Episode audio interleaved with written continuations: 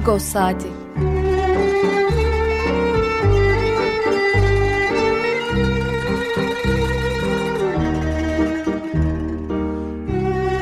Haftalık Agos gazetesinin penceresinden Türkiye ve Dünya gündemi. Agos'un mutfağından haberler, söyleşiler, olaylar.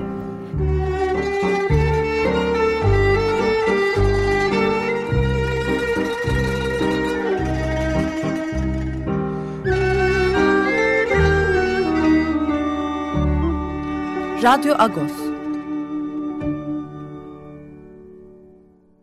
Radyo Agos'tan günaydın Parlus. Ben Yetver Tanzikyan. Bu hafta size ben yardımcı olacağım. Hangi şarkıyla başladık? Emel Mestusi, Nasien Palestina.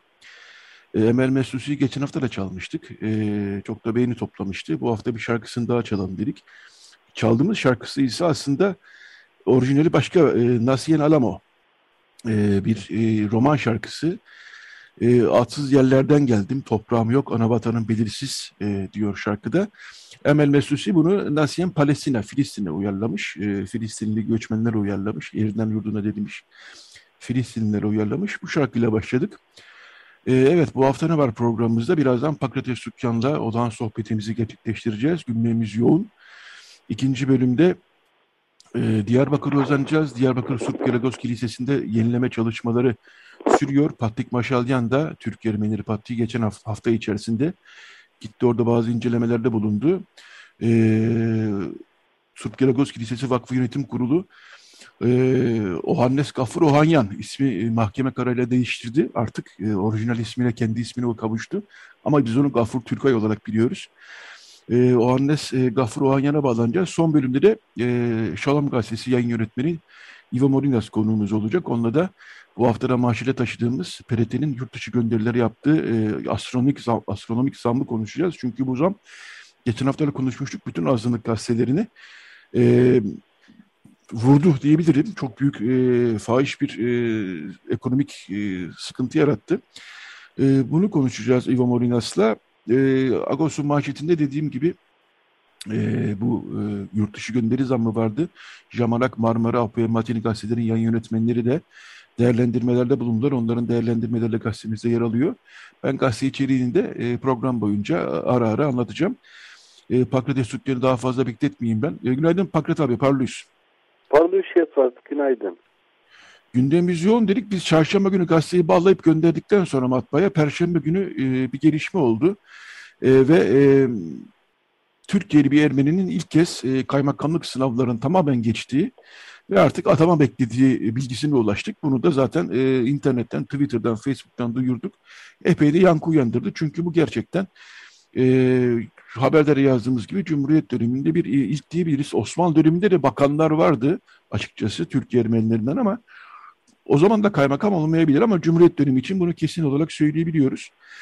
E, Berk Acar e, Saakyan Nunyan Lisesi'ni bitirmiş. Daha sonra Bilgi Üniversitesi Hukuk Fakültesini İngilizce bitirmiş ve e, niyeti kaymakam olmakmış. E, sevmiş bu e, kendince bu mesleği ve sınavlara girmiş, hepsinde geçmiş, kazanmış. E, duyduğumuz kadarıyla, dinlediğimiz bilgilere göre de e, bir staj dönemi, yani artık e, İçişleri Bakanlığı memuru oldu ama yine de bir staj dönemi e, gerçekleştirmesi gerekiyor.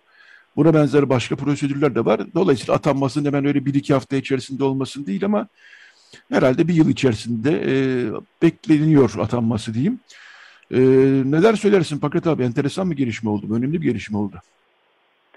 Tabii ki bu çok enteresan bir gelişme. Aslında hiç enteresan olmaması gerekirken çok enteresan bir gelişme. Niye hiç enteresan olmaması gerekir diyorum.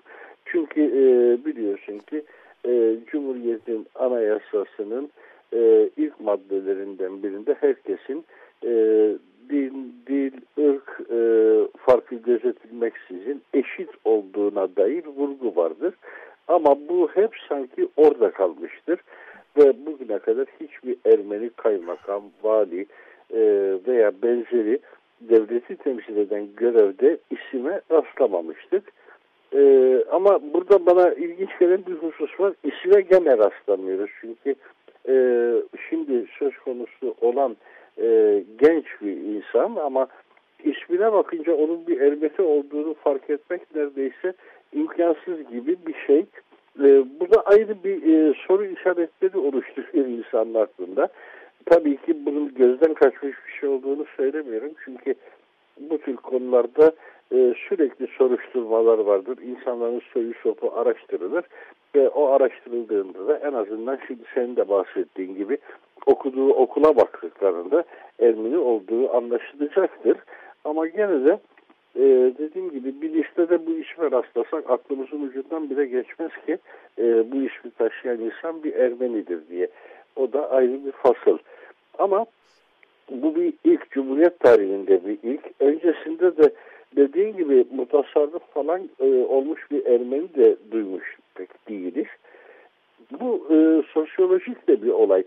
Ermeniler de mutasarrıf olmak için, daha doğrusu günümüze gelecek olursak, kaymakam olmak için herhangi bir e, girişimde bulunmazlar yaygın olarak.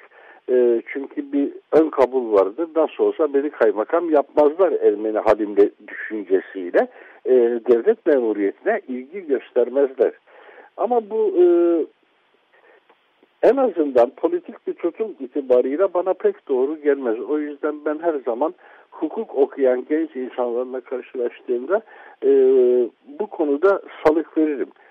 Zaten e, bir başka değerlendirme yapacak olursak hukuku tercih eden Ermeni de azdır. Mesela tıp fakültesine gitmek isteyenler daha fazladır, daha heveslidirler. Hukuk okumayı seçenler oran olarak daha az olmuştur. Hatta siyasal bilgiler fakültesini, mülkiyeyi e, tercih eden hemen hemen yok gibidir. Hiçbir Ermeni lise mezunu e, üniversite giriş sınavı formunu doldururken e, mülkiye yazmayı aklından geçirmez. Aklından geçirecek olsa okuduğu okulun e, rehber öğretmeni veya müdürü onu uyarırlar ki oğlum sen yanlış bir tercih yapıyorsun bu pek olacak bir şey değil diye. Dolayısıyla bu öncelikle genç arkadaşı bu girişiminden ötürü kutlamak e, geliyor benim içinden.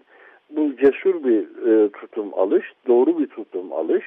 Yani sen başvur da onlar da olmaz desinler e, mantığını gütmüştüm her zaman. E, burada bunun ilk defa e, cesaretle de uygulandığını görüyorum. O cesaretten ötürü e, bu genç arkadaşı kutlamak istiyorum. Söz konusu insan 26 yaşında hukuk fakültesini bitirmiş, avukatlık e, lisansını edinmiş, avukatlık yapmaya başlamış hatta.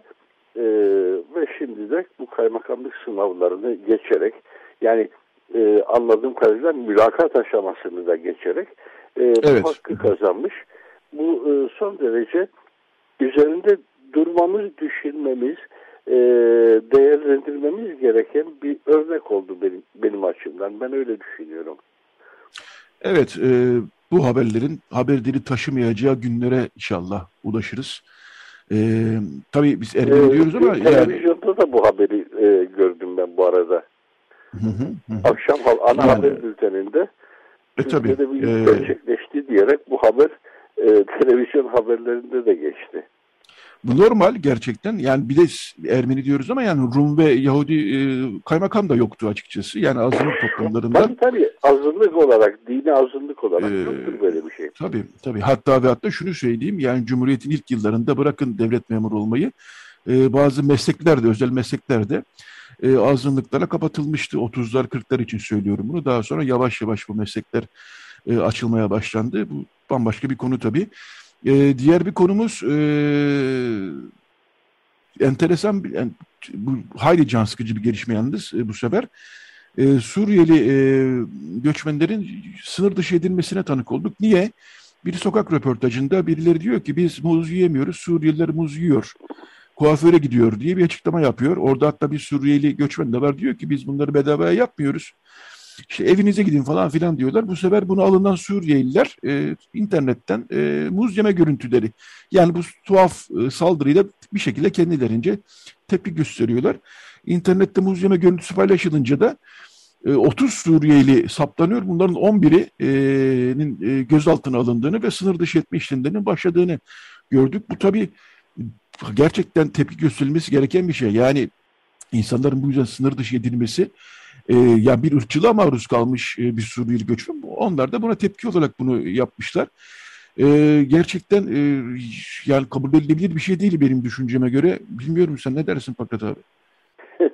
Bu e, gerçekten de ibretlik bir durum. Bir zihniyetin dışa vurumu anlamında. Senin e, çok masum anlattığın şey devlet tarafından nasıl görüyor, görülüyor biliyor musun?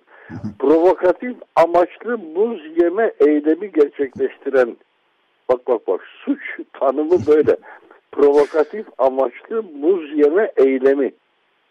Yani düşünebiliyor musun? E, bir resmi makam e, resmi sıfat taşıyan bir makam bu satırlarla bir suçlama üretiyor ve bu suçlamayla insanların hayatına müdahale ediyor.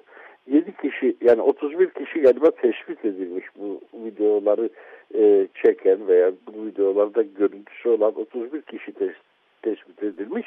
Bunlardan 7'si de sınır dışı edilmiş diye bir e, haber duydum. E, bu gerçekten de çok vahim bir durum. Yani e, zaten nice zamandır İçişleri Bakanlığı'nın e, siz e, gereğini yapın yasadan sonra arkanızdan gelir e, açıklamasının tipik örneklerinden biri bu. Hiçbir yasada söz konusu olamayacak bir eylemi e, suç vasfına dönüştürüp insanların hayatı üzerinde oynamak bu büyük bir hoyratlık. Üstelik de her şeyin başlangıcı e, ırkçı, e, ayrımcı bir e, ifadenin ifadeye tepki gösterilmesiyle başlıyor. Yani bu insanların herhangi bir şekilde tepki göstermeleri yasak aslında. Herhangi bir huzursuzluk belirtmeleri, rahatsızlık belirtmeleri, başlarına her ne gelirse gelsin misafir oldukları için seslerini çıkarmamaları. İşte tam da burada zaten Türkiye'nin e, Suriye'den gelen insanlara veya genellikle Türkiye'nin doğusundaki coğrafyalardan gelen insanlara mülteci statüsü vermemesinin arka planını görüyoruz. Bunu yasal mülteci statüsü verdiğiniz bir indinden yapamazsınız böyle bir davranışı. Evet, Ama misafir ee... dediğinizde her şeyi yapabilirsiniz. Hiçbir yetki, e, hukuki e, güvencesi yoktur o insanların artık ve canınız istediği zaman herhangi bir eyleminden rahatsız olduğunuzda hayatını karartabilirsiniz. Evet ben e, bu tepkilere e, Suriyeli göçmenlerin tepkisine neden, neden olan videoyu da izledim. O sokak röportajını gerçekten Suriyeli göçmeni artık yani ellerle iterek gidin ülkenize gidin ne yapıyorsunuz burada gibi çok yani kabul edilmesi çok zor e, görüntüler vardı orada. E, yani bu yanlıştan dönülmesini de e, buradan dile getirmek lazım e, diye düşünüyorum. Bir de şu var tabii diyelim ki muz yenilemiyor ama bu tepkinin herhalde yöneltilmesi gereken e, kişiler de Suriyeli göçmenler değil. E, sınır dışı etmek demişken bir gelişme daha damgasını vurdu bu haftaya e, Pakrat abi. Seban Nişanyan e, Yunanistan'ın Samos adasında uzunca bir süredir yaşıyordu. E, bir toplantı için sanıyorum e, yurt dışına çıkmış. Dönüşte e, Yunanistan onu e, ülkeye almamış sınır dışı edildiğini öğrenmiş dolayısıyla fakat e, neden sınır dışı edildiğini bilmiyor. E, yaptığı açıklamalara bakılırsa e, Nişanyan Map diye bir e, çalışması var onun. Yer hatları ile ilgili epeydir çalıştığını biliyoruz bu konuda. Bilhassa Türkiye'deki yer hatların nereden geldiğini araştırıyordu ve bulduğu bulgular daha çok işte Ermenice'den, Rumcadan, Süryanca'dan geldiğini, Kürtçeden geldiğini, Lazcadan geldiğini gösteriyordu. Aynısını Yunanistan için de yapayım demiş. Kuzey Yunanistan için bilhassa ve bunların da Bulgarcadan, kimi zaman Türkçeden e, geldiğini saptayınca e, bu oldu diyor. E, yani buna bağlıyoruz Sevan Nişanyan. Ama hakikaten bu da bir e, ciddi bir hak ihlali gibi gözüküyor. E, son verdiği röportajda Ermenistan pasaportum var ama e, daha karar vermedim. E, Samos'taki evleri de satmak istiyorum. E, nasıl yapacağım ben de bilmiyorum ama bu konuda da e, eğer yardım edecekseniz bu konuda yardım edin e, diyor e, Sevan Nişanyan. E, dolayısıyla Türkiye'de zaten hukuki açıdan e, son derece zor durumdaydı. O yüzden zaten Yunanistan'a göç etmişti. Şimdi bir de böyle bir meseleyle karşı karşıya kalmış. Bilmiyorum sen neler düşünüyorsun Fakat abi? E, hukuki açıdan zor durumdaydı e, diyerek e, hafifleştirelim, e, hafifleştirmeyelim. Hukuki açıdan Türkiye'de hapishane kaçkını bir adamdır. Tabii canım yani evet. Yani fiilen gerçeklik bu. Hapishane kaçkını bir adam adam İzmir'deki cezaevinden e, açık cezaevi olduğu için e, izinli çıktı ve bir daha geri gelmedi. Aynen Yılmaz Güney'in yıllar önce yaptığı gibi. E, zaten bu cezaevlerinin bir işlevi de budur. her neyse mesele orada değil ama e, Sevan Düşenyan eğer kendi tahmin ettiği gibi bir sebepten ötürü e, vatandaşlıktan çıkarıldıysa, istenmeyen adam ilan edildiyse esas burada düşünülmesi gereken şey şu yer adlarının ne kadar hassas bir şey olabileceği mevzusudur milliyetçiler üzerinde. Çünkü e, milliyetçiler e, hep yer adlarını e, siyasi haritaya bağlı olarak istedikleri gibi değiştirebilecekleri kanaatine sahipler. Türkiye'de de e, belki de yüzlerce yıllık geçmişi olan bir köyün adı pat diye Yeşilova diye değiştirilebiliyor. Hiçbir anlam ifade etmeyen, hiçbir tanımı olmayan, sırf belki de coğrafi bir görüntünün o dakikadaki intibasından, izleniminden yola çıkılarak konulan bir isim. Ve o köyün halkı tabii o ismi benimsemiyor. Herkes mütemadiyen eski ismi kullanıyor ama e, resmiyette artık e, geçerli olan isim budur diyorlar. Şimdi ben özellikle de Karabağ haberlerini e, takip ederken bu konuya çok e, ilgi duyuyorum. Çünkü e, orada kaybolmamak mümkün değil. Aynı yerin Türkçe'de ayrı, e, Ermenice'de ayrı, Azerice'de ayrı isimleri olabiliyor. Bir yer üç farklı toplum tarafından üç farklı isimle anlıyor olabiliyor. Bunlar kapılarındaki esas unsur tabii ki milliyetçilik ve bu milliyetçilikten e, Türkiye devletinin görevlileri de müzdarip, Ermenistan devletinin görevlileri de müzdarip, belli ki Yunanistan devletinin görevlileri de müzdarip. Herkes e, bölgede e, eğer Makedonya ise oradaki Türkiye isimleri Yunancalaştırmak, eğer Türkiye ise Yunanca veya Ermenice veya Kürtçe isimleri Türkleştirmek veya Süryanice isimleri Türkleştirmek, Ermenistan'da ise gene aynı şekilde Türkçe veya Ermenice olmayan isimleri Ermeniceleştirmek için büyük bir seferberlik içerisinde.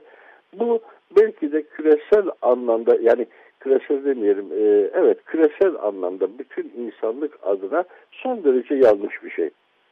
Yani oranın isminin oranın tarihiyle özdeşleşecek bir yeri vardır. Söz konusu yer her neresiyse ve buna e, müdahale etmek böyle yapay uyduruk isimlerle müdahale etmek son derece yanlıştır. Ha, isimler telaffuza bağlı olarak e, zaman içerisinde deforme olabilir. Polis şehri Bolu olur. E, buna bir şey dediğim yok ama e, ısrarla e, değiştirmek, e, millileştirmek son derece yanlış bir şey. Ama bunu yapanlar gurur duyarak yapıyorlar işin tuhafı. Ve Seva'nın da bunları ortaya çıkarması, sizin şöyle dediğiniz yerin adı eskiden böyleydi demesi Türkiye'de de rahatsızlık yarattığı gibi Yunanistan'da da belli ki aynı zihniyette rahatsızlık yaratıyor. Evet Yunanistan bu konuda bir resmi açıklama bildiğimiz kadarıyla şu güne kadar yapmadı ama bu Sevan Neşe'nin tahmini olarak biz de bunu bir veri olarak alıyoruz. Ben de her zaman şunu söylüyorum. E, Türkiye için bilhassa size mantıksız gelen bir isim varsa e, yer olarak söylüyorum.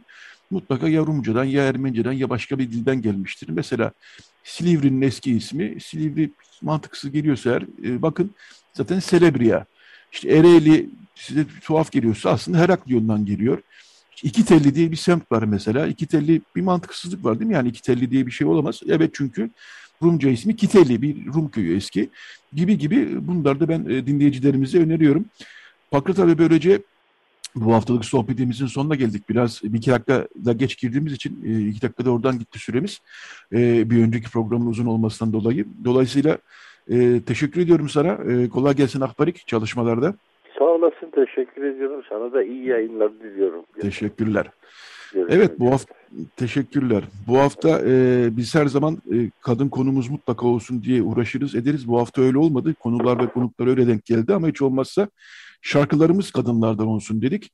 E, program başında Emel Mesusi'nin bir şarkısını çal Emel Mesusi'den bir şarkı çalmıştık. E, Nasien Palestina diye. Şimdi şarkının e, Yunanca versiyonunu dinleyeceğiz. Bu sefer Eleni Vitali'den. O da çok güzel bir ses. O da Yunanistan romanlarından bir ses. Eleni Vitali bu sefer şarkının ismi yani orijinali Nasien Alamo'ydu.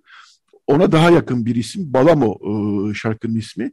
Eleni Vitali dinleyelim. E, daha sonra bir e, reklam arası daha sonra Diyarbakır'a uzanacağız. Evet Radyo Agos devam ediyor. Radyo Agos. Evet Radyo Agos devam ediyor. Radyo Agos'un bu bölümünde Diyarbakır'a uzanacağız. Türk Yenimeleri Patriği e, Saak Maşalyan hafta içi e, salı günü e, Diyarbakır'a bir gezi düzenledi. Patrik olduktan sonraki ilk gezisiydi bu. E, hem yenileme çalışmaları süren e, Surp Gilagos, Diyarbakır Surp Gilagos Kilisesi'ndeki çalışmaları inceledi. Hem diğer mezarlıklara, kiliselere baktı, e, resmi makamlarla, temaslarla bulundu. E, ve e, Surp Kilisesi ile ilgili çalışmaların yolunda gittiği yönünde Patrikhane'de bir açıklama yapıldı. E, Patrik Maşalana gezisinde e, Surp Kilisesi Yönetim Kurulu üyeleri e, Ergun Ayık, e, Ohannes Gafur Ohanyan e, eşlik ettiler. Şimdi e, Ohannes Gafur Ohanyan telefon attığımızda. Günaydın Gafur abi. Günaydın, merhaba. İyi yayınlar. Merhaba, merhaba. E, hoş geldin yayınımıza. Şimdi şöyle başlayacağım ben yayınımıza. E, senin ismin aslında nüfustaki ismin e, ve resmi olarak ismin Gafur Türkay'dı. Biz seni yıllarca öyle biliyoruz tabii Diyarbakır Ermenilerindensin, Ermenilerindensin. Ama malum koşullar, e, tarihsel koşullar icabı ismin Gafur Türkay'dı. Dün seninle telefonda konuştuğumuzda bu yayın için bu arada dedi benim adım artık e, mahkeme kararıyla değiştirildi. O Annes Gafur Ohanyan e, oldu dedin. Yani özüme döndüm e, anlamında söyledim bunu. Bu süreci kısaca istersen öyle başlayalım. Yani kilisede ne oluyor ne bitiyor bunlarla geçeriz ama bu çünkü evet. Diyarbakır Ermenileri için de simgesel bir durum, önemli bir durum. Evet. İstersen evet. E, öyle başlayalım. E, aile evet. ismine mi geri dönmüş oldun? Anlat istersen biraz abi. Evet, e, tabii teşekkür ederim. E, şimdi e, uzun zamandır e, Diyarbakır'da tabii bu isim meselesi malum yani Müslümanlaştırılmış sonradan işte kendi dinine dönen ya da dönmeyen isim meselesi biliyorsunuz malum. Hı hı. Ee, bizim benim de Abdülgafur Türkay olarak e, isim geçiyordu yıllardır ve çocukluğumdan hı. beri. Ben de uzun zamandır bunu böyle değiştirmek istiyordum. Ee, bu bir kanun çıktı ee, işte isim değişiklikleri müracaat edilebilir diye e, baktığımızda biz baktık e, meğerse bizim olmuyormuş. Dolayısıyla mahkeme kararına başvurduk. E, ve e, Abdülgafur Türkay olan ismi Ohannes Gafur Ohanyan olarak mahkeme kararıyla bir seneye yakındır. Hatta bir sene oldu değiştirmiş olduk. Yani e, Ohanyan bizim çok eskiye dayanan soy ismimiz. Dolayısıyla eski soy ismimizi alalım dedik ve isim de Ohannes Gafur Ohanyan olarak mahkeme kararıyla düzeltildi. E, bir senedir bu isimle bütün kayıtlarda ve devlet kayıtlarında da böyle geçiyor. Evet biz e, yıllardır e, sana e, Gafur Türkay olarak hem haberlerde hem de yayınlarımızda e, evet. öyle hitap ediyorduk. Artık Ohannes Gafur Ohanyan olarak hitap edeceğiz. E, Diyarbakır'da e, Diyarbakır'da bu e, aslında ne yazık ki biraz da e, yaygın e, denebilecek bir durum. Çünkü orada e, yani bütün bölge için söylemek lazım tabii bunu. E, Müslümanlaşmış ve hatta Müslümanlaştırmış Ermeni sayısı hiç de az değil. E, dolayısıyla e, son zamanlarda böyle e, kararlarda gerek vaftiz gerekse isim değiştirme, eski isme geri dönme, eski aile ismine geri dönme gibi kararlarda alınıyor. E, hayırlı olsun diyelim sana Gafur abi o zaman. O Teşekkür ederim. Çok sağ olun. Gafur, Gafur gene duruyor ama ikinci isim olarak. E, o da evet, aslında Gafur es- bir espri hatta genç Hakim Bey de e, güldü dedi Gafur'u da çıkaralım mı falan. Gafur'u çıkarmadık çünkü artık herkes Gafur'u bir, bir şekilde biliyor çıkardığımızda zaten böyle bir evet. olur diye düşündüm. Ee, ama esas Ohannes Ohanyan olarak daha çok algılayabiliriz. Ama Gafur'da duruyor. Duruyor tamam. Evet. Peki Yohannes, peki Yohannes abi e, salı günü e, Patrik Maşalyan günübirlik bir ziyaret yaptı. E, Diyarbakır'a e, işte valiyle görüştü, kaymakamla görüştü, belediye başkanıyla görüştü. E, Surp Gilagos Kilisesi'ndeki çalışmaları inceledi. E, daha sonra Surp Sarkis Kilisesi ki o da e, eski bir Ermeni kilisesi fakat onun durumu hakikaten çok iç acıtıcı. Gerçekten harap vaziyette ve e, önce Surp Gilagos'la başlayalım. E, çatışmalı dönemde yani Surp Gilagos'un açılışı yapıldı bundan 5-6 yıl kadar önce. Büyük e, emekler verildi, büyük paralar toplandı. Çok iyi bir e, yenileme çalışması yapıldı. ayinler yapılıyordu. E, yani çünkü Orta Doğu'daki en büyük kiliselerden bir tanesi e, Diyarbakır evet. Ermeni Kilisesi. Biz de geldik. E, büyük bir e, heyecanla geldik. E, kilisenin içinde ayinlere e, tanık olduk. Fakat bu çatışmalı dönemde 2015-2016 gibi başlayan çatışmalı dönemde e, ne yazık ki kilise, kilise tahrip oldu. E, sadece kilise değil aslına bakarsan bütün o e, Ermeni mahallesi dediğimiz Hançepek mahallesindeki birçok ev tahrip oldu. Şimdi e, hükümet bu kiliseyi yenileme kararı almıştı. Sadece Ermeni kilisesinin değil, bir e, Keldani kilisesi de var sanıyorum hemen yakında. O ikisini zaten yenileme çalışmaları için e, kaynak ayırmıştı. Bu çalışmalar da 2019'dan beri sürüyordu. E, Fatih Garen'in resmi açıklamasında, Facebook'tan yaptığı resmi açıklamada fotoğraflar da var, bilgiler de var. E, önümüzdeki bahara hatta yetişebilir e, açılışı deniyor. E, ne durumda çalışmalar? E, Fatih Maşal'dan da diyor ki aslında uygun yürütülüyor. Bunu memnuniyetle karşıladık diyor. E, biz e, bir de senden dinleyelim e, çalışmalar ne alemde? Şimdi böyle kısa ben de değineyim. Şimdi malumunuz e, o çatışmalı ortamdan sonra sizin de dediğiniz gibi çok büyük emeklerle, çok büyük paralarla e, uzun yıllar yıkık kalmış Surbragos Kilisesi'ni e, onarmıştık cemaatin yardımıyla, Ermeni halkının yardımıyla. E, çok da iyi bu atmosfer yakalanmıştı. Ayinler yapılıyordu. Her şey yolundayken maalesef e, o üzüntü verici işte çatışmalı ortam o mahallede gelişince maalesef e, Surbragos Kilisemiz de çok büyük zararlar görmüştü. Tabii e, orada şöyle bir sıkıntımız var yalnız. E, şimdi biliyorsunuz e, azınlık vakıflarına ait kiliseler ve e, şeyler e, eğer vakfın e, adına kayıtlıysa e, devlet tarafından pek onarım ya da yardım yapılamıyor. Böyle bir e, şey var. Bir genelge mi yayınlanmış zannedersin 1936 azınlık vakıfları e, ait mal beyanlarla ilgili. Dolayısıyla e, bizim böyle bir sıkıntımızdan kaynaklı çok uğraşmamıza rağmen maalesef bir türlü başarılı olamıyorduk. En son e, Bakan Bey'le, Çevre Şehircilik Bakanı'yla e, o zamanın parti vekilimiz gidip görüştüğünde e, bunu kendilerine izah etmiştik. Sağ olsunlar o vesileyle yardımcı oldular. Sonra geldiklerinde yanı başımızda dediğiniz gibi duran e, Keldani Kilisesi'ni de e, rica ettik. Dedik yani bunu yapmışken bu boynu bükük kalacak burada. İşte mahallede yeni bir konseptle zaten inşa edildi. E, falan sağ olsunlar e, onu da kattılar. Dolayısıyla e, e kat, kattılar işte ihale aşamasına getirdiler. Tabii o arada da biz bir ricada daha bulunduk kendilerinden. E, şunu dedik e, e, bizim kilisemizi yapan müteahhitimiz var o onarım işlerini çok iyi yapıyor. İşte Diyarbakır'daki Ulu Camii'yi de yaptı, bizim kilise yaptı, On Gözlü Köprüyü falan. Ee, eğer imkanı varsa bu arkadaş çok güzel yapıyor dedik. Sağ olsunlar kırmadılar. Dolayısıyla o müteahhit yaptıktan sonra Zülfikar Bey e, bizim içimiz çok rahat oldu ve özüne göre yapılıyor. Gerçekten çok titiz bir çalışma yürütülüyor. Sağ olsunlar şimdiki Vali Bey e, de çok duyarlı. Hep böyle gelip teftiş ediyorlar, takip ediyorlar.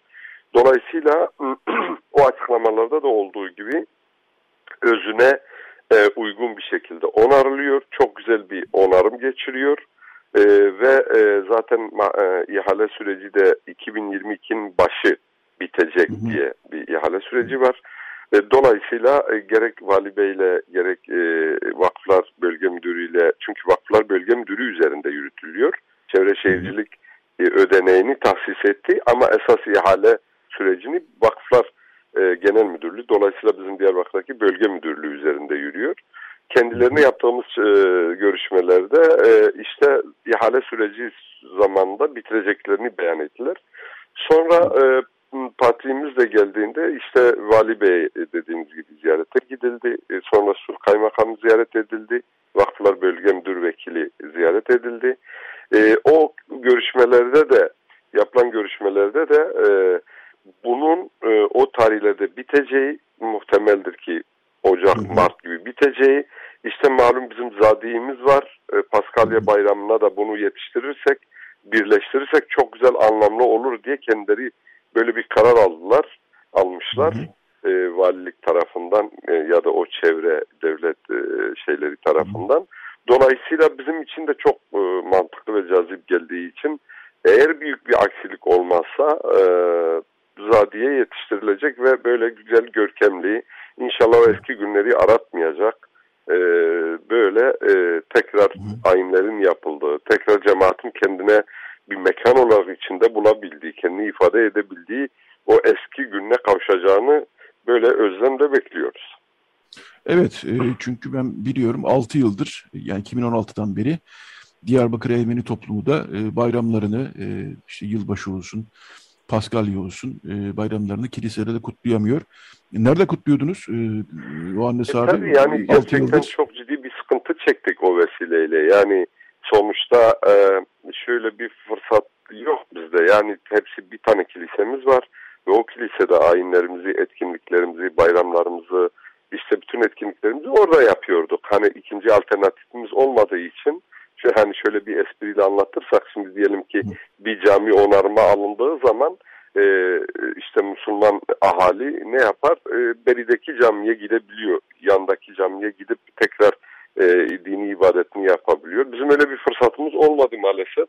Dolayısıyla e, zaten ibadet ayin hiç yapılmadı. Yani 2015'ten bu yana e, ne kadar oldu? 6 yıl oldu. Hiç ibadet falan yapma zemini zamanı şey imkanımız olmadı. Ha biz ne yaptık? İşte bayramlarımızı çok daha e, toplantılarla işte bir restoran kiralamak suretiyle ya da bir kafede ya da işte bir araya gelebileceğimiz bir zemin e, yaratmaya çalışarak e, bir araya gelmeye çalıştık. İşte çok az ama çok kısıtlı oldu çok sıkıntılı da olsa böyle tek tük böyle e, şeylerimizi yaptık, yapmaya çalıştık. Ama e, dediğim gibi e, şu anda heyecanlıyız ki Diyarbakır cemaati olarak e, kilisemiz açıldığında en azından kendimizi içinde bulabileceğimiz bir mekan ve siz de gelip gördünüz Orta Doğu'nun en büyük evet. Ermeni kilisesi. Dolayısıyla çok önemli ve anlamlı bizim için. E, bekliyoruz. O heyecanı inşallah en kısa sürede sizleri de böyle herkesi de muhtemeldir ki bu arada daha henüz duyurusu ya da tam tarihi belirlenmiyor. Patrikhane de zannedersem Patrik Bey de bunun üzerinde yoğunlaşacak. Tarihleri belirledikten sonra böyle e, duyurular yapılır. Herkes yine o anlamlı şeyleri, açılışları hep beraber inşallah yaparız diye düşünüyoruz. Evet, ikinci bir mekan derken aklıma e, Surp Sarkis Kilisesi geliyor. Çünkü e, Patrik Maşaydan'ın gezisinde de Surp Sarkis Kilisesi'ne gidildi. Siz de sanıyorum beraberdiniz. Surp Sarkis Kilisesi de aslında önemli kiliselerden bir tanesi Diyarbakır'da, Sur içinde. Fakat onun durumu çok harap. E, Perşembe günü başka bir vesileyle biz e, Patrikhane'de bir toplantı vardı. E, Ermeni basının sorunlarının konuşulduğu bir toplantı vardı. O vesileyle yani önceki gün e, beraberdik. Sorduk yani Sarkis'in durumu çok kötü. Yani yıllardır böyle zaten biliyoruz. Onunla ilgili e, ya onunla ilgili e, şöyle bir şey söyledi. E, e, vali de hani bununla ilgili ne yapılabilir diye bir talimat vermiş yakındakileri ama e, çok tabii e, bayağı harap vaziyette. Bu da evet, açıkçası evet. insanın biraz içini acıtıyor ama Subsarkis Kilisesi ile ilgili bir umut e, doğdu mu sizce yoksa bir de çok para lazım dedi. E, Şimdi şöyle e, ben hemen onu da kısa biraz anlatayım. Biz vakıf yönetimi evet. olarak e, yıllardır bir taraftan da ona nasıl bir çözüm üretiriz? Dediğiniz gibi gerçekten işler acıtıcı bir durumda. E, durum baya sıkıntılı, çok harap vaziyette. E, çok uğraşıyoruz. Nasıl onun için bir çözüm üretiriz? E, onun da e, şimdiye kadar yaptığımız çalışmalarda çok yol alamadık maalesef. Hı hı. Ama e, bu ziyaretlerden önce bizim vakıf yönetimi olarak valilikle falan yaptığımız çalışmalarda e, bir yere e, kararlaştırmıştık. Yani buna nereden başlayacağız? Bu, bu, bu işi nasıl bir ucundan tutarım gibi çok tartışmalar ve toplantılar yaptık. E, sonuç şöyle bir yere varıldı. Bu son ziyaretle de biraz daha şekillendi. Şimdi e, o işin önce e, bir e, projelendirme çalışması yapılması lazım. Hı hı. Projesi çıkması lazım. Projesi çıktıktan sonra hani işin finans kısmını e, tartışabiliriz hı. noktasına gelinince ve o zaman buradan başlayalım dedik. Sağ olsun Vali Bey de bu ziyarette dedi ki biz e, işte e, röleve ve e, şey bu e, onarım işlerine bakan e, birimin müdürünü de çağırmıştı. Onlara talimat verdiler. Siz böyle bu, bu kiliseyle ilgili bir röleve ve e, şey projelendirme çalışmasını yapın, hazırlayın ve anıtlar kurulundan geçirin. Malumunuz tabii 600-700 bin TL de sadece o projelendirme aşamasına giden para gidiyor, gidiyor yani. Hı hı. Dolayısıyla hı hı. o çok anlamlı, önemliydi. Sağ olsunlar Vali Bey bu konuda bayağı hassasiyet gösterdi. Dolayısıyla e, şimdi biz de e, elimizdeki e, o kon, e, kiliseyle ilgili belge, bilgi ne varsa, dokümantasyon ne varsa belki İstanbul'daki çevrelerden de istifade etmeye çalışacağız.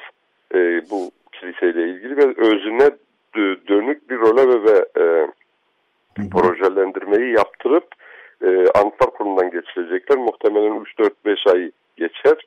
Dolayısıyla bu çıktıktan sonra işin fotoğrafı önümüze gelecek. Bu çok önemli bir aşama, umut verici bir durum aslında. Dolayısıyla hani bu iş artık o saatten sonra bu ne kadara onarılır, ne yapılır, ne edilir? Vali Bey sağ olsun dedi biz bunu çıkardıktan sonra tekrar sizlerle oturup konuşalım. İşin finans boyutuna bakalım. Biz valilik olarak ne katkı sunabiliriz? İşte bakanlıklardan bunun çalışmasını yaparız ki e, ilgili bakanlıklardan ne kadar katkı alırız? Belki siz cemaatten bir miktarda siz bir şey katabilir misiniz diye e, gibi bir çalışma yürütebiliriz demişti. Dolayısıyla e, biraz umutlu bir e, çalışma oldu. Yani daha önce yürüttüğümüz çalışmayı bir şekilde böyle biraz e, somutlaştırıldı bu toplantıda. E, çok anlamlı oldu. Yani umut ediyoruz ki e, e, bu kiliseyi de ka ayağa kaldıracağız. Çünkü e, böyle cenaze gibi ortada duruyor. O çok hı hı. E, bizim cemaat için çok anlamlı ve önemli bir mekandır. E, böyle bir ama bu arada böyle aklıma gelmişken onunla ilgili zannedersem duyurusu yani açıklamasını yapmakta fayda var. Şimdi o kilise e, şöyle bir de olumsuzluk yaşadık. E, evet. Kilise e, 2019'un e, yıl başına doğru e, o zaman e, ora o bölge hepsi kapalı olduğu için genelde bu tarihi mekanlarda o tarihi taşları çalma şeyi vardı. 2019'daydı yani sonlarına doğru zannedersem. E, ve o zaman e, bizim kilisenin taşlarını da çalmaya çalışmışlar. O zaman bir 16 yaşındaki bir çocuk e, maalesef e, böyle üstte e, evet. kemer onu belki anlatmıştık size. Şimdi kemerlerinden altındaki taş çekmek suretiyle kemer üstüne düşmüştü bir ay komada kalmıştı. Şimdi bir gelişme de şöyle oldu. O çocuk biz hiç aslında mahkemeye vermemiz gereken yerde. Biz de hani çocuktur komada kaldı gibi biraz duygusal davran, davrandık ama o çocuk şimdi vakfı mahkemeye vermiş. Tazminat davası açtı ve ceza davası hakkımızda açmış. E, şimdi öyle de bir mahkememiz sürüyor. E, orada da öyle bir sıkıntımız var yani. Onu da e, vali beylere falan ilgili e, makamlara anlatmıştık. Bu vesileyle sizlere de paylaşmış olayım diye düşündüm. Evet, bu olay Subkilagos'ta mı oldu, Subsarkis'te mi oldu bu çocuğun Subsarkis, yaralanması? Subsarkis'te. Subsarkis'te oldu. Evet, evet e... kolonlar molonlar da düştü yani şimdi bir kısmı. Hı hı. Peki e, Subsarkis'le ilgili de dolayısıyla e, temkinli bir e, iyimserlik içinde e, olabiliriz evet, diye anlıyorum. Evet, evet. Evet, evet. Peki e, son bir iki dakika içerisinde o zaman size e, o Andes abi şunu sorayım. Diyarbakır Ermenileri ne alemde? Yani koronayı nasıl geçirdiniz? Bir ara geçen sene çünkü çok e, Diyarbakır'dan şey geliyordu. Sayı çok artıyor, e, korona sayısı çok artıyor e, gibi e, veriler geliyordu. Şimdi biraz e, aşı açısından, e, Diyarbakır halkı açısından tabii ama tabii Diyarbakır Ermenileri açısından kayıp verdiniz mi? Nasıl geçirdiniz pandemi dönemini onu da sorayım size. Yani bizim e, şeyden pek böyle e, böyle hemen bir arada böyle düşünüyorum. E, çok tabii malumunuz Diyarbakır'da ve Türkiye'de bu e, şey meselesi çok sıkıntılı. Hepimiz bizler de çok sıkıntı çektik. Ama kayıp anlamında evet kayıp anlamında böyle cemaatten böyle birkaç kişi verildi. Vefat oldu. Malum çok sıkıntılı. Diyarbakır rakamlar da çok kötü. Bizde de oldu. Ee, ama genelde böyle daha önce kronik hastalıkları olan, yaş ileride olan birkaç zannedersem üç kişi civarında evet evet böyle hatırlamaya çalışıyorum. Üç kişi civarında e, vefat oldu Ermeni cemaatiyle ilgili. Bunu tabii niye soruyorum? Zaten çok küçük bir cemaat. Ee, bir evet. de bu tip e, korona bir de bu tip korona benzeri vakalar e, bir darbe daha vuruyor. O açıdan maalesef, sordum. maalesef. Evet, ee, evet, ama bu evet. söylediğim öyle hani Müslüman Ermeni e, pozisyonda cemaatle ilgisi alakası olan gidip gelen e, böyle Hı hı. bir vefat şey de oldu. Ama e, hastalık geçiren birçok ben de dahil olmak üzere birçok arkadaşımız geçirdik, atlattık. Birçoğu da atlattı. E, malum e, çok ciddi bir etkilenme de oldu yani. Hı hı. Tamam. Peki. Ohannes Gafur Huanyan e, ya da Diyarbakır'a gidip gelenlerin e, belki e, hatırlayacağı ismiyle e, Gafur Türkay e, yayının başında söylemiştik. Mahkeme kararıyla eski aile ismine döndü. Ohannes Gafur Huanyan Diyarbakır Surp Gelagoz Kilisesi Vakfı Yönetim Kurulu üyesi e, konuğumuzdu. Surp Gelagoz Kilisesi'ndeki yenileme çalışmalarını konuştuk. Surp Sarkis Kilisesi'nin durumunu konuştuk. E, çok teşekkürler Ohannes abi yayına katıldığın için. Sağ olasın. Çok teşekkürler. İyi yayınlar. Ben de teşekkür ediyorum bu fırsatı. Teşekkürler. Çok kolay gelsin. Yayınlar. Kolay gelsin. Sağ Teşekkür olun. ediyoruz. Evet. Ee, evet, Radyo Agos e, devam ediyor. Radyo Agos'ta e, içeriğinden de biraz bahsedelim demiştik. Yayının başında çok bahsetmedik bu haftaki Agos'un içeriğinden. Manşette dediğim gibi ki birazdan e, İvo, e, İvo Molinas'la konuşacağız. E, bu yurt dışı gönderilerine yapılan zam e, çok büyük bir darbe vurmuş azınlık basında. Manşetimizde bu konu var. Onun dışında tabii ki e, Ermenistan Türkiye'nin mesela normalleşmesine dair gelişmeler e, var. E, ilginç bir gelişme oldu Ermenistan ayağında. E, Cumhurbaşkanı Sarkisyan Suudi Arabistan ve Birleşik Arap Emirlikleri'ni ziyaret etti. Buna dair e, detaylar var. E, ekonomi e, malum e, dolardaki yükseliş herkesi vuruyor. E, ekonomist Ali Ağalo ile bir röportajımız var. E, arka sayfamızda yine ordulu bir Ermeni ailenin e, hikayesi, hoş bir hikayesi var. Daha önce Paşaoğlu konağını yazan e, arkadaşımız e, yazdı. İnsan Hakları gündemi sayfamız yine bu hafta dolu dolu. E, Kültür Sanat'ta Sevan Ataoğlu e, Gomidas oyununu, Yolcu Tiyatro'nun Gomidas oyununu izledi, kaleme aldı Agos için. E, Gomidas oyunu daha önce e, premierini yapmıştı aslında iki yıl kadar önce. 22 Ekim Gomidas'ın e, ölüm yıl dönümü olunca e, tekrar e, ve pandemi dönemine geçince tekrar sahnelemişlerdi. İkinci bir premier oldu yani.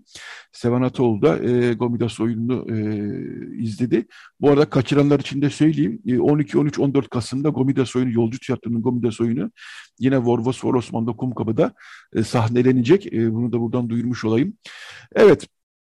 Radyo Agos'un e, Radyo Agos devam ediyor. Agos'un içeriğinden yine program boyunca e, duyurular yapacağız ama şimdi bir şarkı çalalım tekrar. E, Ana Alkayde e, İspanyol bir müzisyen, e, kemancı aynı zamanda. Daha önce de çaldık e, Radyo Agos'ta Ana Alkayde'yi. E, ondan bir şarkı dinleyeceğiz. Folio de Primavera e, şarkısını dinleyeceğiz. E, Ana Alkayde burada Orta Çağ'dan kalma bir e, enstrüman, nikel harp dedikleri yani kemana çok benzeyen ama e, şekli çok farklı bir enstrüman çalıyor. Bu e, biraz da tevafuk olduğu aslında e, bu performans, canlı bir performans ve Toledo'da kaydedilmiş bir performans. Suriçi'nin Toledo yapacağız diyorlardı bir zamanlar. Böyle de bir e, şey oldu, bağlantısı oldu bu işin. Evet, ana Al-Kaide'yi dinleyelim. Daha sonra reklam arası, daha sonra e, Ivo Monians'la, Shalom Gazetesi'nin Ivo Monians'la beraber olacağız. Evet, Radyo Agos devam ediyor. Radyo Agos. Evet, Radyo Agos devam ediyor. Radyo Agos'un bu bölümünde e, iki, iki haftadır azınlık basınını e, uğraştıran, sıkıntıya sokan bir gelişmeyi konuşacağız. E, yani belki bazı okurlarımız diyecektir ki yani postaya zam gelmiş, hani ne var bu kadar büyütülecek diyecektir ama hayır böyle değil gerçekten. Çok astronomik bir zam geldi ve sadece Agos'u değil, sadece diyelim ki birazdan konuşacağımız e, yayın yönetmeni İvo Mamilas'la konuşacağımız Şalom gazetesinin değil, e, Jamanak Marmara, e, Paros, e, Apoya Matini e, Rum basınından bütün bu gazeteleri çok zorlayan bir e, kararla karşı karşıya kaldık. Çünkü e, yüzde beş yüze varan zamlar yapıldı. Yani bizim gazetelerimiz aşağı yukarı işte haftalık seher 7 lira, 8 lira, 9 lira civarında. Günlük gazeteler daha ucuz. E, diyelim ki bizden yola çıkacak olursak e, bizim gazete 7 lira, biz onu e, 5 liraya gönderiyorduk e, bugüne kadar Avrupa'ya. 35 liraya göndermemiz lazım şimdi bir gazeteyi aboneye. E, bunun karşılığını aboneden istemek de hayli güç açıkçası. Bunu karşılamamız da hayli güç. İki haftadır ne yaparız ne ederiz diye kafa yorup duruyoruz. Ee, evet e, şimdi Şalom Gazetesi gelen yayın yönetmeni İva Molinas hattımızda. Günaydın İva Bey hoş geldiniz. Günaydın Yaşar Bey nasılsınız? Kolay gelsin. Teşekkür, teşekkürler size de kolay gelsin. Siz de telefonda konuşup bu kadar çıktığı zaman zaten siz de ya ne yapacağız e, diyordunuz. E, sizden dinleyelim. Yani ben bunu e, şöyle bu tabii sadece ekonomik bir konu değil. Onu da söyleyeyim so, e, sözü size bırakmadan önce. Sadece ekonomik bir konu değil. Bu aslında azınlık toplumların tarihiyle de ilgili bir konu. Çünkü Türkiye'den gitmek zorunda kalan çok fazla sayıda Ermeni, Rum, Yahudi şöyle ya da böyle ya da giden ya da gitmek zorunda kalan çeşitli nedenlerle Türkiye'den e, dışarı giden, yurt dışına giden e, birçok bu toplumu, bu Türkiye toplumunun mensubu e, ülkeleriyle aralarındaki bağı belki de sadece böyle kurabiliyorlar. Yani işte e, biliyorlar, onlar da internetten okumayı biliyorlar ama gazete gelsin, bir hafta geç gelsin, gerekiyorsa e, ama ben basılı gazeteyi bir okuyayım, toplumla aramdaki bağ e, hiç olmazsa bu yolla kuruyayım diyen e, okurlarımız var bizim. Yani Ermenilerin var, Rumların var tahmin ediyorum Türkiye Yahudi toplumunun da vardır diye düşünüyorum ki siz de etkilendiğinize göre bu durumdan. Ee, evet. Diyerek sözü ben size bırakayım İvo Bey. Yani dediğiniz doğru. Özelliğimiz bizim yurt dışında diğer Türk ulusal gazetelere göre çok daha orantısal olarak daha çok daha fazla yurt dışı abonemiz olmasından da kaynaklanıyor. Yani bu bu zorluk diyelim. Ee, dediğiniz gibi İsrail'de, Amerika'da, Fransa'da e, göç etmiş zamanında Türk Yahudileri e, bu e, gazete kağıdını okumak için e, dijital yayını tercih etmiyor. Gazete istiyor ama şimdi öyle bir durum oldu ki e, bunun hayatta kalması çok da mümkün gözükmüyor bu son zamlar karşısında. E, dediğiniz gibi yüzde yurt dışına bir tek gazete e, yüzde 500 bir e, maliyet artışına maruz kalırsa o gazeteyi artık abone olan arkadaşlar e, yurt dışında e, yarısından fazlası bence artık e, bu maliyeti karşılayamaz. Bakın bizim yurt dışı tek bir gazeteyi e, gönderme gönderimiz e, aşağı yukarı yani abonelik ücreti 190 dolar. O 50 hafta her hafta 50 hafta diyelim 2 hafta haricinde gazeteyi alıyorlar yurt dışında. Nerede yaşıyorlarsa yaşasın. 190 dolar ödüyorlar Avrupa'da. Şimdi bu ek maliyetlerle bu rakam e, 200 dolar eklemeleri lazım. Yani bizim eklememiz lazım. E, hiçbir ek bir gelirimiz olmadan 190 doları 200, 390, 400 dolara çıkarmamız lazım. E, 190 doları vermekte de zorlanan bir kesim varken e, şimdi kimse bize 200 dolar daha fazla vermeyecek ve biz bütün bu abonemizin çoğunu kaybetme riskiyle karşı karşıyayız. E, yani e, ve biliyorsunuz bir e, postane öyle bir zam getirdi ki sabit de değil bir kura dayalı her hafta da değişecekmiş. Yani kur arttıkça bu maliyetler de değişecek. Bilmem farkında mısınız? Yani, evet. e, yani bunu işin içinden çıkmak mümkün değil. Bizim dediğiniz gibi azınlık gazeteleri sayı olarak zaten az reklam almakta da güçlüklerimiz var. Malum güçlüklerimiz var. E nasıl ayakta kalacağız? Ancak işte e, bağışlarla diyelim. Yani reklam almak daha fazla mümkün, ne kadar mümkün bilmiyorum ama bağışlarla, onlarla bunlarla yaşamaya çalışıyoruz ama nereye kadar? Yani bir de bilmem farkında mısınız? Gazete kağıdına Ocak ayından e, beri yani bir senede inanılmaz bir zam oldu. Farkında mısınız bilmiyorum. Farkındayız. Mesela, farkında olmaz olur muyuz? Ha, yani ama e, son rakam çok e, korkutucu bir rakam. Gelinen Hı. nokta zam noktasında. Şimdi Ocak ayında e, bir ton kağıdın fiyatı, ithal fiyatı diyelim veya zaten hepsi ithaldir. 700 dolarken Ekim ayında yani geçtiğimiz ay bu ay 1300 dolara gelmiş yani yüzde 80-85'lik bir artış var gazete kağıdının kendisinde ithalatında 700 dolardan 1300'e gelmiş. E kurda yüzde 30 artmış Ocak'tan beri. Nereden baksanız TL bazında bizim Ocak'ta ödediğimizin bugün yüzde 146, yüzde 50'sini, yüzde 150'sini ödüyoruz. E, yani 10 lira ödediğimizde diyelim 25 lira ödüyoruz. Yani e, büyük bir fark. E, bu farkı da biz aboneden çıkarmak zorundayız. İçeride Hı. dışarıda. E, nasıl olacak? Gerçekten e, özellikle azıl, yani bu tabii sadece azınlık gazetelerine ilgilenmiyor. Diğer tüm gazeteleri, tüm e, kitap yayın evlerini, ders kitap yayın evlerini sonuç olarak tüketiciye yansıyacak bir zamdan bahsediyoruz. Bu kağıtın tabii zammı geçici olacağını umut ediyorum. İşte dünya e, satında bir kağıt üretiminde azalma var. Pandemi etkisiyle de alakalı belki. Ee, yani bir böyle bir manipülasyon var. İnanılmaz kağıt fiyatında artış var. Kağıt fiyatı artışı artık postanın %500'e varan zamlı. E, bu gazeteler nasıl ayakta duracak? çok ciddi kalın sorusu, kalın çizgilerle sorulması gereken bir soru maalesef. Hı hı. Evet biz geçen hafta e, Marmara Gazetesi'nin e, yayın yönetmeni Ari Haddeler'le de konuşmuştuk. E, bu hafta da Jamanak Gazetesi'nin kuruluş yıl dönümü buydu bu hafta.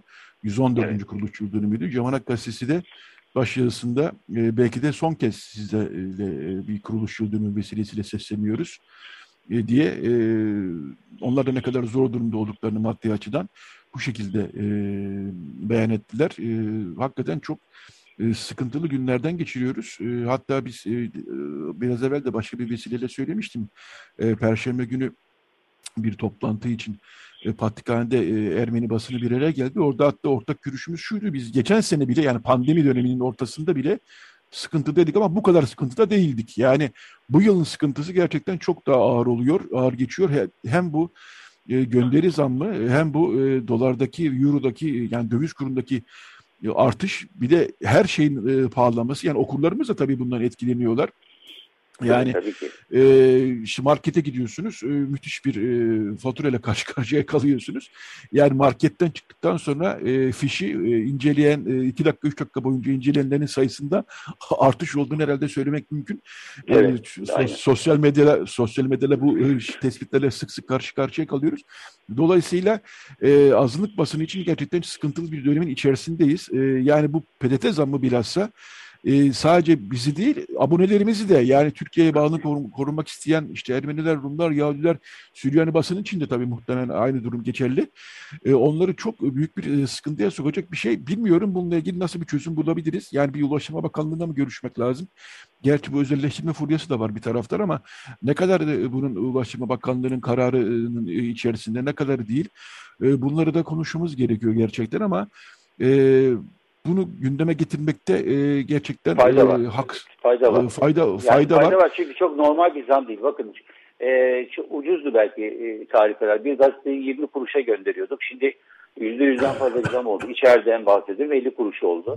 E, yani belki doğru olması gereken rakamlar bu. Belki de 1 lira bilemiyorum ama yani bir gecede bu kadar bir zam yaparsanız sizin bütün sisteminizi, dengenizi bozar. Yani daha evvel yapılmamış zamları e, özellikle iç, iç e, ülke içindeki zamları yani gönderim e, ücreti zamını yapmamış olmaları birdenbire hepsini yapmış olmalarını gerektirmiyor.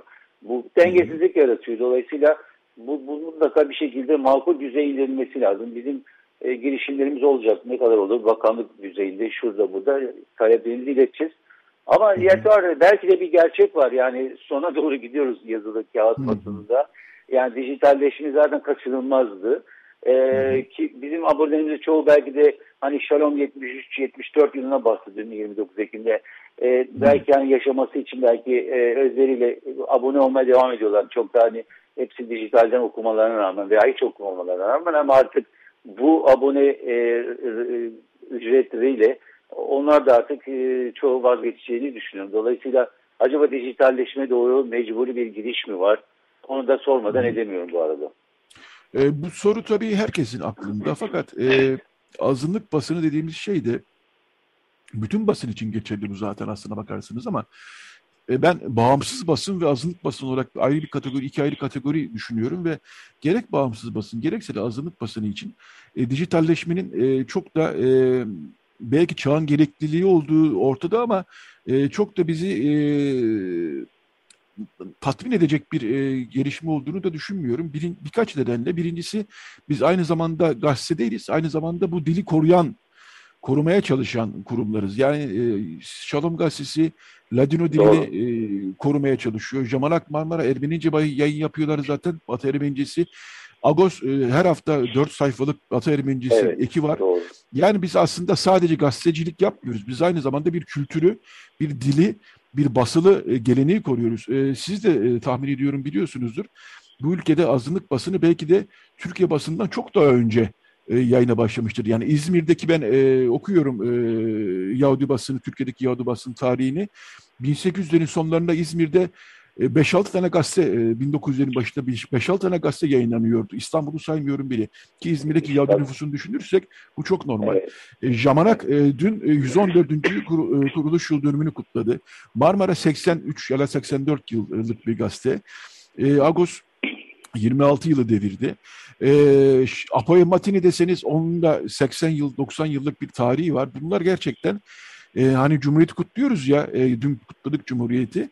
E, Cumhuriyetten kimi daha eski, kimi yaşıt e, ve Cumhuriyeti aslında e, bir e, nasıl diyeyim ben e, rengini ve katkısını ve, verecek kültürlerin vermesi gereken gerekiyor, gerekiyordu.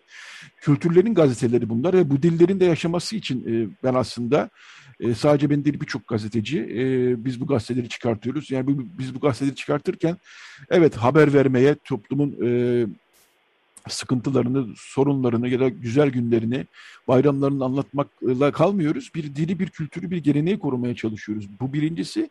İkincisi biraz bununla bağlantılı. Bizim bilmiyorum Şalom'un okulları nasıl ama basılı gazete olarak bizim okullarımızın büyük bir kısmı bir kısmı daha doğrusu işte 70, 60, 70 yaşında ve onlar bu dijital işlerle hiç başıboş insanlar değiller açıkçası.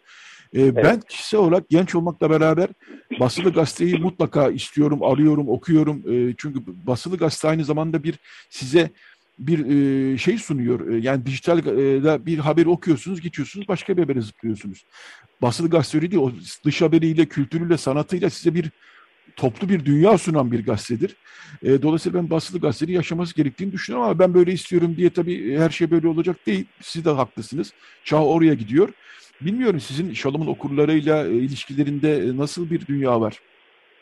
Yani dediğiniz doğru. Bizim de okur e, e, profilimiz genelde e, işte 60 yaş e, hatta 70 yaş civarlarında. Gençler zaten hiçbir şey okumuyorlar. Biliyorsunuz sadece yazılık basının e, sorunu değil. Hı. Gençler zaten gazete kağıdı, dergi falan okumuyorlar. Artık e, e, dijital platformlardan da okumuyorlar. Sadece sosyal medyadan haberleri takip etmeye çalışıyorlar çoğunluk da değil. Tabii ki e, mutlaka bir, bir kesim var e, gerçek anlamda izleyici ama e, işte ben hani daha kötümserim bu anlamda. Yani bu dijitalleşmeye doğru gidiyoruz. Tabii bu bir, bir de ayrıca bu devlet politikası. Bu devlet acaba bu azınlık kastedin dediğimiz gibi Cumhuriyet öncesinden bile gelen Cumhuriyet'ten de eski olan gazetelerini renkliliği adına, Cumhuriyet'in renkliliği adına, demokrasinin renkliliği adına e, var olmasını için e, istiyor mu var olmasını istemiyor mu? İstiyorsa mutlaka bir formül bulacak. E, bunları bize yaşatmak için. Yani bilmiyorum Agos gazetesinin durumunu ama reklamlar konusunda biz devlet e, şirketlerinden, kamularından e, pek bir reklam falan almamız mümkün değil. Diğer ulusal günlük gazetelerde tirajları çok düşük olan gazetelerde bile sayfa sayfa e, inanılmaz devletin verdiği reklamlar var. Biz zaten resmi devlet İran kurumlarından faydalanamıyoruz. E, o da ayrı bir nokta. E, dolayısıyla yaşamamız her geçen gün zorluğa gidiyor. Her ne kadar işte gazete kağıdını koklayan kesim var, onu isteyen var, işte bir bütünlük içinde gazete sayfalarından okumak isteyen var dersek diyorsak bile jenerasyonlar değişiyor.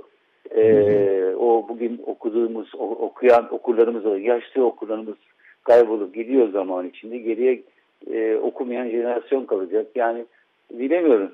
Yaşatmaya çalışacağız. Ne kadar yaşatırsak o kadar yaşatacağız. Öyle demek evet. lazım. Evet. E, yani Agos bilemiyorum Agos ne durumda dediniz. Biz de aynı durumdayız tabii. Bir kamu kurumlarından e, ilan alan bir gazete değiliz biz de.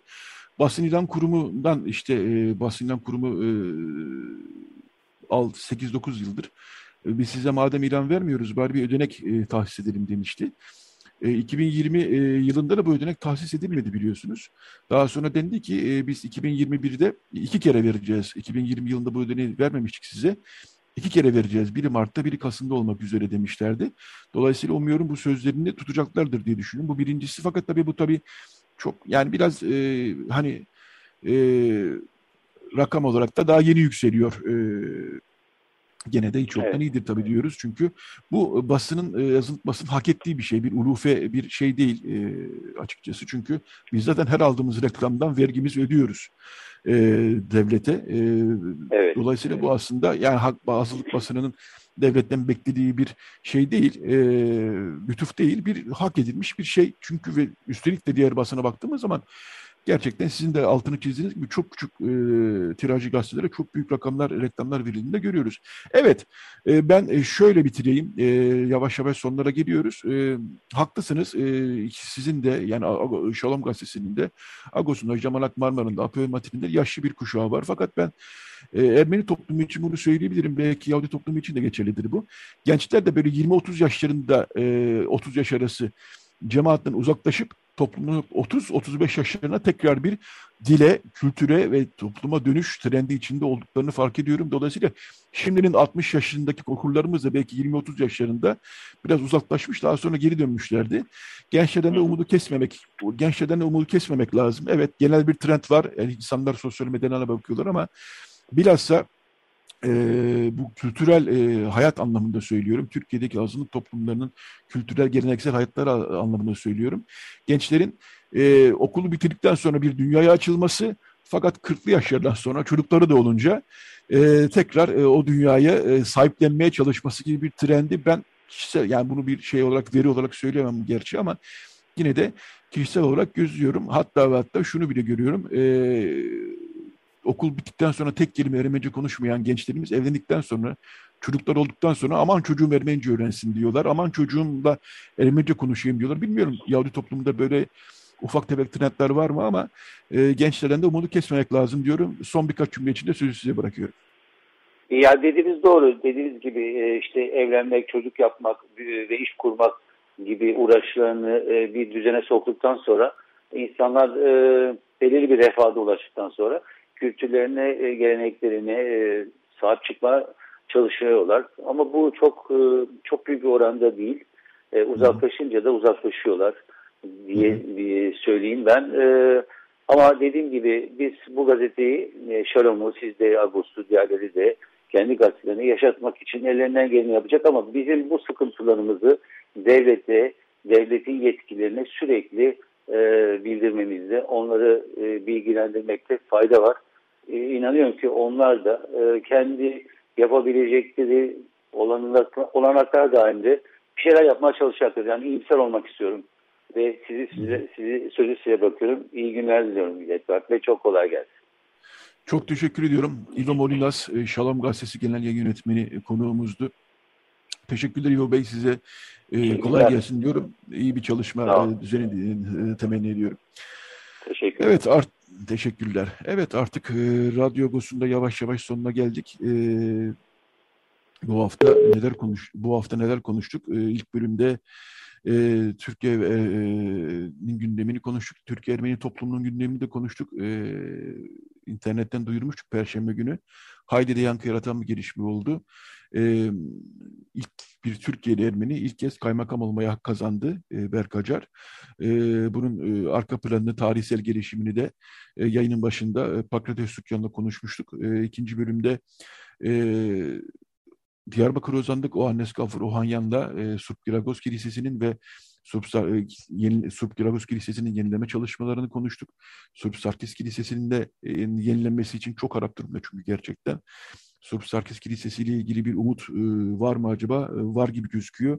Onu konuştuk. Son bölümde de e, uzun uzun konuştuk biraz. E, Şalom Gazetesi yan yönetmeni e, Ivo Moninas'la bu yurt dışı gönderilerine yapılan zammı konuştuk. E, konu açılmışken ben de buradan söyleyeyim henüz e, biz de e, bu fahiş astronomik rakam e, için bir çözüm bulamadık ve şimdilik iki haftada bir gönderiyoruz abonelerimize.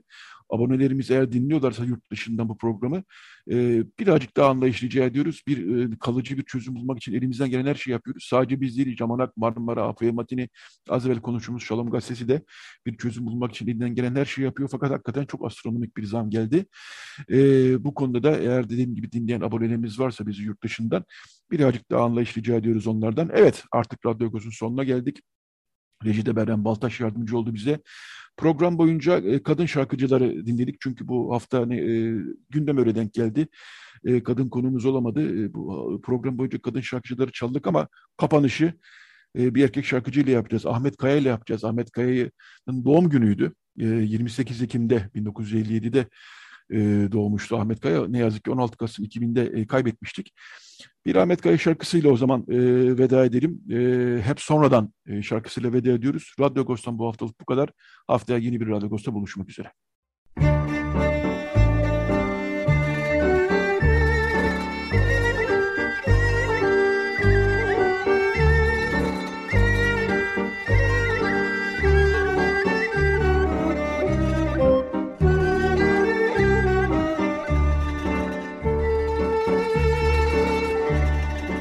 Agos Saati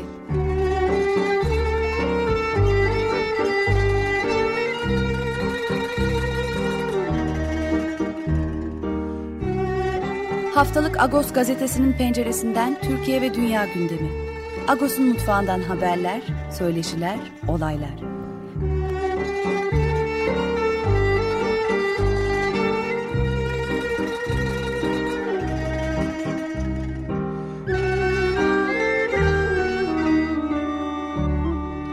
Radyo Agos